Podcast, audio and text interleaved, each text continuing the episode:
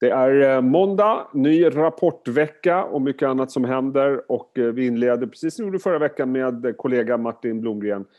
God morgon. God morgon. Eh, ska vi börja backtrada lite som vanligt och, och blicka bakåt hur det såg ut förra veckan. Inte riktigt samma halleluja-mottagande på rapporterna som vi såg tidigare i rapportperioden. Om vi börjar titta på utfallet så följer det samma röda tråd. Omsättningen mm. ungefär in line, resultatet klart bättre än väntat. Ja, mycket bättre. Så att det är ju marginalerna som är skillnaden här och eh, om man tittar på eh, Infonds, bolagen på svenska börsen som Infront samlar in prognoser på så var ju omsättningen när man klumpar ihop allting 1% bättre medan eh, vinsten för skatter är 16% bättre. Så det är ju rejält mycket bättre på vinsterna och som vi har pratat om tidigare, det är ju kostnaderna som överraskar i många fall som gör att bolagens marginaler ser så otroligt mycket bättre ut. Och, och väldigt många bolag tycker jag som kommer in med klart bättre resultat mm. än väntat. När man ser den här fördelningen av, av, i intervall av olika resultatutfall så är det väldigt eh, tjockt där på de som rapporterar mm. klart bättre än förväntat. Brukar ju vara en övervikt på bolag som överraskar positivt men det är ju mm. ändå det är mer än vad det brukar vara. Det ligger ju en bra bit över 70 procent som har överraskat positivt på vinsterna. Så att, Ska... Eh, det är bra, men eh, som sagt, vi gick ju in i, i den här rapportperioden med många omvända vinstvarningar och en börs som hade stigit nästan 20 procent. Så Precis. Vilket kan... väl att det var ganska njuggt mottagande. Ja. Om vi tittar lite grann på ett par teman som har varit eh, stora inför rapportperioden och under rapportperioden. Så den första är ju prishöjningar. Har vi mm. hört väldigt mycket om.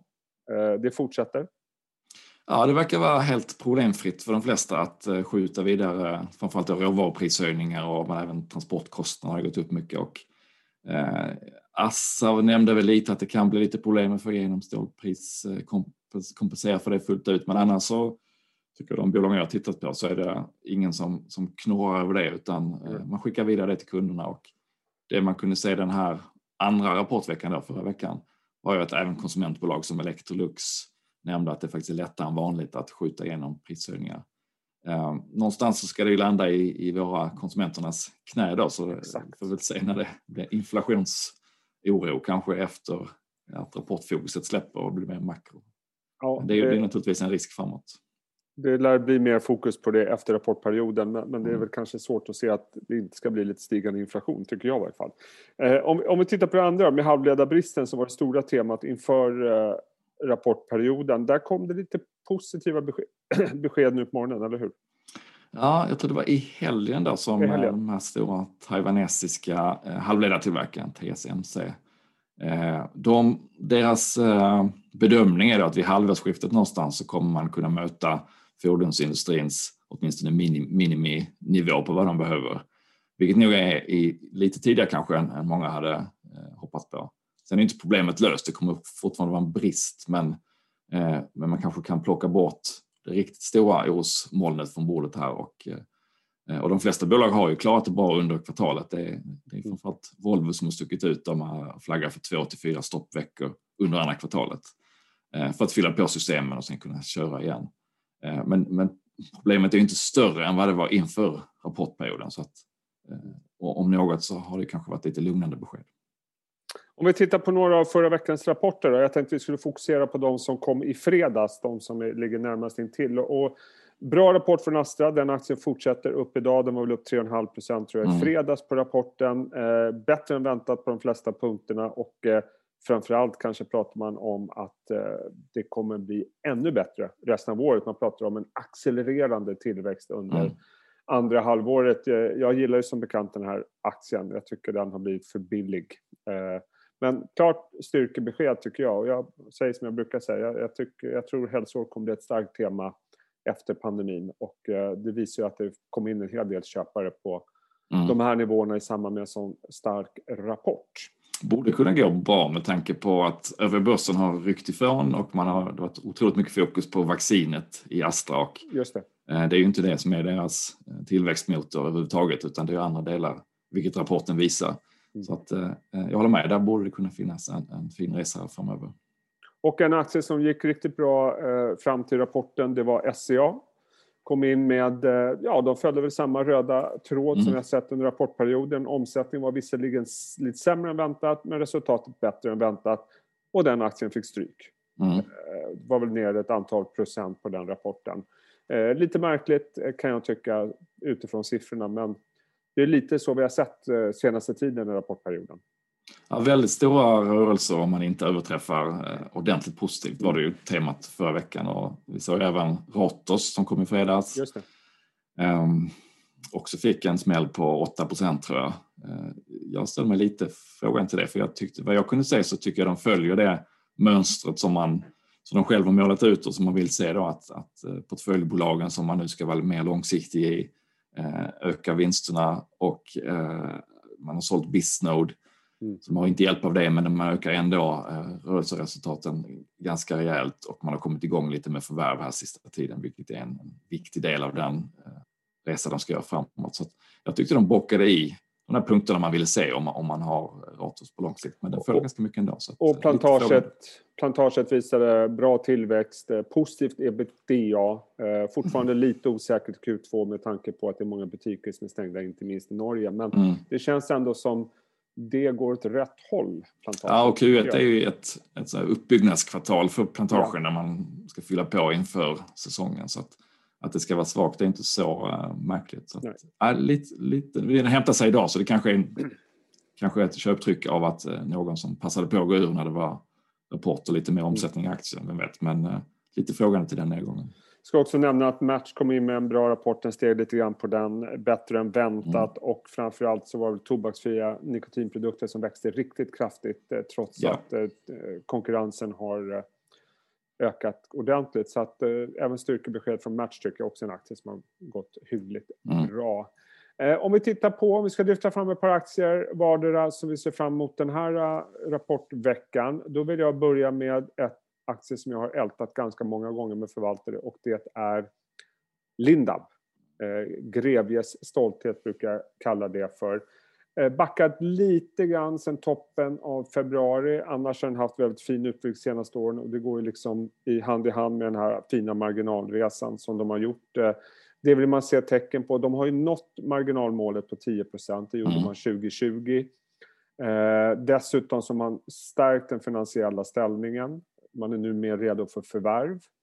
Eh, frågan är vad marginalen som sagt ska gå. Sen vill man gärna se vad de säger om ökad aktivitet efter pandemin. De ligger fortfarande på en negativ organisk tillväxt. Eh, kan det komma de... nya, nya mål från deras sida redan nu eller är det ja, längre fram? Det beror lite grann tror jag, på hur de tänker kring förvärv och sånt där. För de har ju mm. sagt att de går in nu i en fas där de är mer öppna för förvärv. Så det känns nästan som att det kanske är lite mer fokus på tillväxten, eh, tror jag.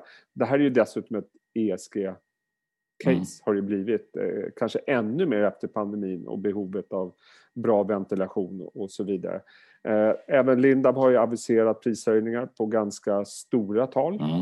Eh, så att jag tror att det skulle kicka igång nu i maj om jag minns rätt. De var väl en av de bolagen som ganska tidigt, där det ganska tidigt rapporterades om att, att det var prislistor som hade justerats. Just det. Och, jag vet även, by, och även Byggmax eh, har pratat om att branschen tidigt började höja priserna och att man inte har eh, påverkats mycket av råvaruprisuppgångarna. Då. Så att, eh, de flesta verkar vara på tå och det verkar ja, funka bra att trycka igenom det. Det ska bli intressant att följa marginalen, tillväxten, priserna och sen är det alltid kul att lyssna på Ola Ringdahl. Frågan är mm. hur länge han blir kvar på Lindab. Eh, det är lite grann som om... Nej, han, är, han, har, han har, jag ska inte göra några sportjämförelser, men han har varit oerhört viktig för Lindab de senaste mm. åren. Det tror jag inte någon kan uh, säga någonting emot. Om vi går över till servicesektorn då, så har vi ett par giganter som rapporterar i veckan, eller hur? Ja, Securitas och ja. Eh, ISS, vad tänker du där? Jag tänker att eh, Securitas, eh, alltid fokus på organisk tillväxt och marginalutveckling. I detalj. De, ja, i detalj. Marknaden är ju sjukligt besatt av ja, vad som står efter decimalerna. Precis. Men det, det, mest intressanta med Securitas tycker jag egentligen är det lite längre caset då, där man, man går från att vara ett bevakningsbolag med eh, att sälja mantimmar till att bli ett mer digitaliserat bolag där man kan sälja tjänster och eh, teknikfyllda tjänster eh, och klättra i den här marginaltrappan då, där man kan, kan lyfta marginalen ganska rejält i tanken. Eh, och det har man pratat om i många, många år. Marginalen har, har väl rört på sig men inte speciellt mycket så att det, det finns väl en viss otålighet från, mm. från marknaden med all rätta. Sen har de i senaste rapporten så, så gjorde de ett, ett nytt åtgärdsprogram där de, där de ska försöka få upp marginalen i Europa bland annat. Så det kommer också vara fokus på hur mycket det påverkar både på kostnader och om det redan börjar synas någon effekter. Och sen är det fortfarande ett pandemikvartal där det, flygplatserna är låg aktivitet. Så många rörliga delar i, i spel där. Men det, lång, det långsiktiga caset, det man vill se är ju att den här marginalresan någon gång faktiskt mm. visar sig i marginalerna, inte bara i, i planerna. Och ISS då? Och ICS, eh, där har vi ett riktigt turnaround-case, danska eh, konkurrenten till Core som har eh, städning i deras viktigaste tjänst, men de har ju också personalrestauranger och annat och såklart kraftigt drabbade av pandemin, även om städning har, har klarat sig ganska bra. Ny vd, nya affärsområdeschefer, de drar sig tillbaka från en hel del marknader, fokuserar på, på färre och större kunder och ska, ska få upp marginalerna för det. Det har inte gått så bra de senaste åren och det, har de, det är de väl medvetna om. Så att, eh, 2021 blir ett städår, eh, ja. pandemi eller inte i deras fall. Eh, 2022 2023 så ska det börja se bättre ut och eh, jag, jag, tycker den här är väldigt spännande aktie om man har en två, tre års mm. horisont. Eh, och om man kommer att se tecken på att, att det ger effekt redan nu, de här åtgärdsprogrammen, det är väl lite tveksamt men men små steg i rätt riktning kan nog ge ganska stor effekt på kursen eftersom den har eh, inte gått speciellt bra för att vara försiktig. Mm. Eh, jag kommer titta lite extra imorgon klockan 15 för då kommer nämligen Nordiska latexfabriken i Torekov med rapport, mm. även känd i vissa delar som Nolato intressant tycker jag att följa dem, för de, brukar, ju, de är ju inom flera områden så det brukar vara en ganska bra konjunkturmätare. De har det mer konjunkturkänsliga Industrial Solutions. Sen har de där Integrated Solutions som har haft en väldigt fin resa senaste tiden. De har sådana här vaporizer-kontrakt. Eh, där har de lovat en miljard i omsättning i kvartalet.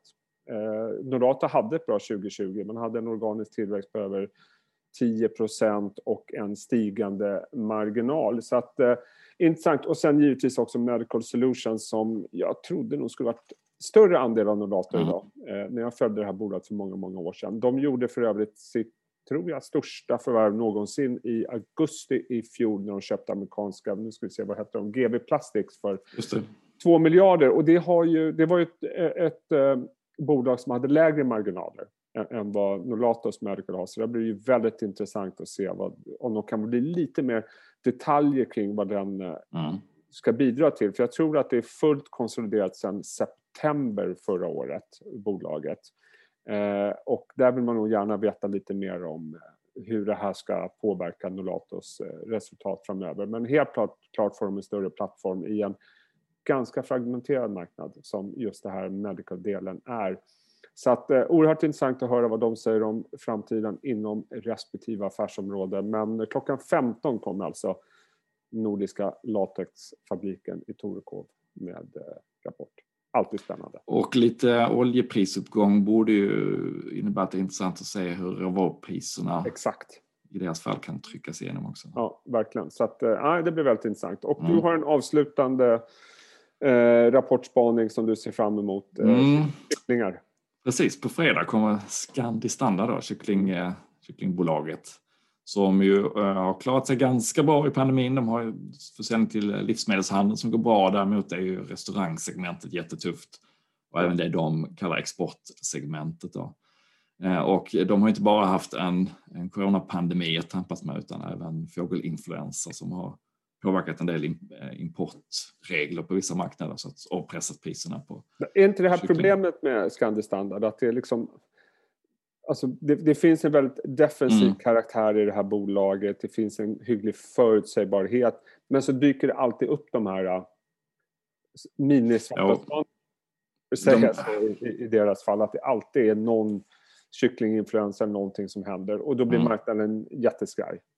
Ja, så är det. Och det är ju något som har hållit och kommer hålla nere värderingen på det här bolaget. Att man, man vet aldrig när det dyker upp någonting som, som får ganska stora effekter både på deras möjlighet att sälja volymer och på priserna då för att det blir lätt ett överutbud eh, på de marknaderna där man inte kan exportera från.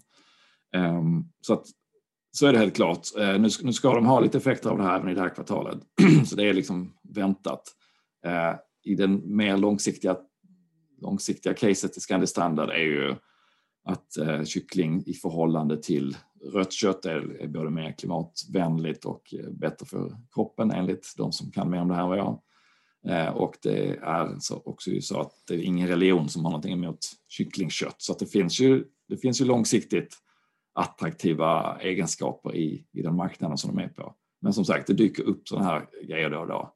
Mm. Eh, ganska billigt värderat tycker jag. Eh, de flesta analytiker ligger kring 80 på riktkurs, vilket jag tycker är rimligt. Där är man ungefär 20 procent upp från nuvarande nivå. Så att kan, kan man stänga fågelinfluensa-oron med det här kvartalet och, och sen börja få tillbaka lite tillväxt i restaurangsektorn så, så tycker jag det är, är spännande. Men det är ju ingen, ingen kursdubbla utan det är snarare att man har en, ja. 20 eh, procent kanske på ett halvår, ett års sikt. Mm. Ja, det blir en bra vecka. Lite mer fokus på eh, mindre bolag helt klart den här veckan mm. med ett par undantag givetvis. Men, men, eh, ja, vi får se vad som händer. Det blir spännande att se om trenden med prishöjningar ja. även kommer synas i de mindre bolagen. För att, att, att storbolag har lite mer pricing power, det vet vi sedan tidigare. Men ett mindre och mellanstort bolag kanske behöver gnugga lite hårdare med kunderna mm. för att få igenom det. Så det blir kul att se. Ja, det blir väldigt spännande att se hur marknaden tar emot de här rapporterna också. Det har varit lite upp och ner på det där. Mm. Eh, bra Martin, vi säger så. Det gör vi. Eh, sköt om det. Detsamma.